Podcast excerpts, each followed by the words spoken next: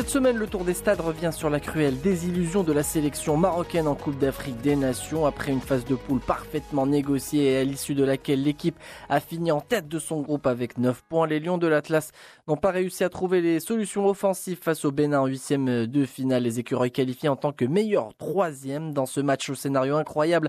Le Bénin de Michel Dussuyer a réalisé un hold-up presque parfait. Les Lions de l'Atlas ont dominé tout au long de la partie en multipliant les occasions mais sans trouver la En face, le Bénin a su se contenter de bien défendre, mais sans vraiment se projeter. Les écureuils qui ont même ouvert la marque grâce à Ali Edéou à la 52e minute de jeu.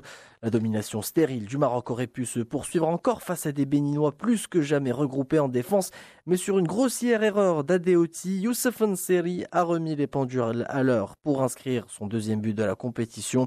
Enfin, la balle de match est arrivée sur un plateau d'argent pour le Maroc après un penalty accordé dans les derniers souffles de la partie. Un penalty manqué par Hakim Ziyech, le joueur de l'Ajax d'Amsterdam, qui a contraint ses coéquipiers à disputer les prolongations avant de perdre à l'issue de la séance des tirs au but. Une grosse surprise pour le Bénin et une déception énorme pour le Maroc. Hervé Renard, le sélectionneur des Lions de l'Atlas, revient sur ce match. On savait que cette équipe avait battu l'Algérie pendant les matchs de qualification, qu'elle avait fait match nul contre le Ghana, le Cameroun. Donc on savait que ça allait être un match très difficile. On a été surpris sur un coup de pied arrêté, ou comme je l'ai dit en conférence de presse la veille, euh, ça fait partie des éléments majeurs où des équipes euh, soi-disant inférieurs peuvent marquer. On s'est fait surprendre. On a réussi à revenir au score. On avait tout pour euh, faire la différence avant. On l'a pas fait. C'est le football. On a laissé passer nos chances jusqu'au final euh, être moins fort dans nos têtes psychologiquement et c'est ce qui a fait la différence. Un coup dur pour le Maroc qui se voyait déjà en quart de finale, mais l'équipe a manqué de réalisme et de justesse technique devant les buts. Malgré les changements opérés par Hervé Renard, les Marocains n'ont pas réussi à faire pencher le match en leur faveur. Sofiane Bouffa l'entrée en cours de jeu. On est tous euh, très déçus euh, de sortir spécialement pour les Marocains.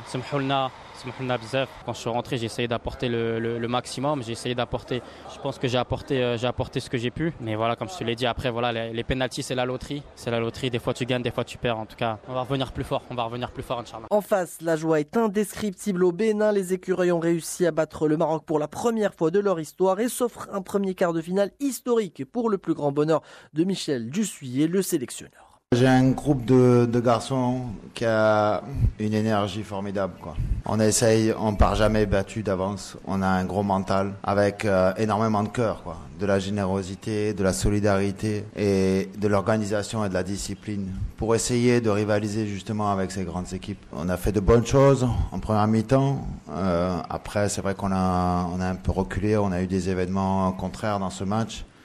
On a eu de la chance aussi que ce penalty à la dernière seconde soit tiré sur le poteau.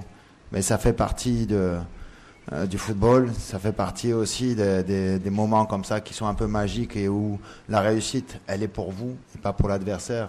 Donc, Juste un mot pour la fierté que les joueurs doivent avoir. Et le Bénin va retrouver le Sénégal en quart de finale. Une belle revanche pour le technicien français Michel Dussuyer qui a été battu par le Maroc lors de l'édition de 2017 en phase de poule avec la Côte d'Ivoire. L'aventure s'arrête en revanche assez tôt pour un Maroc qui rêvait d'aller le plus loin possible en Égypte.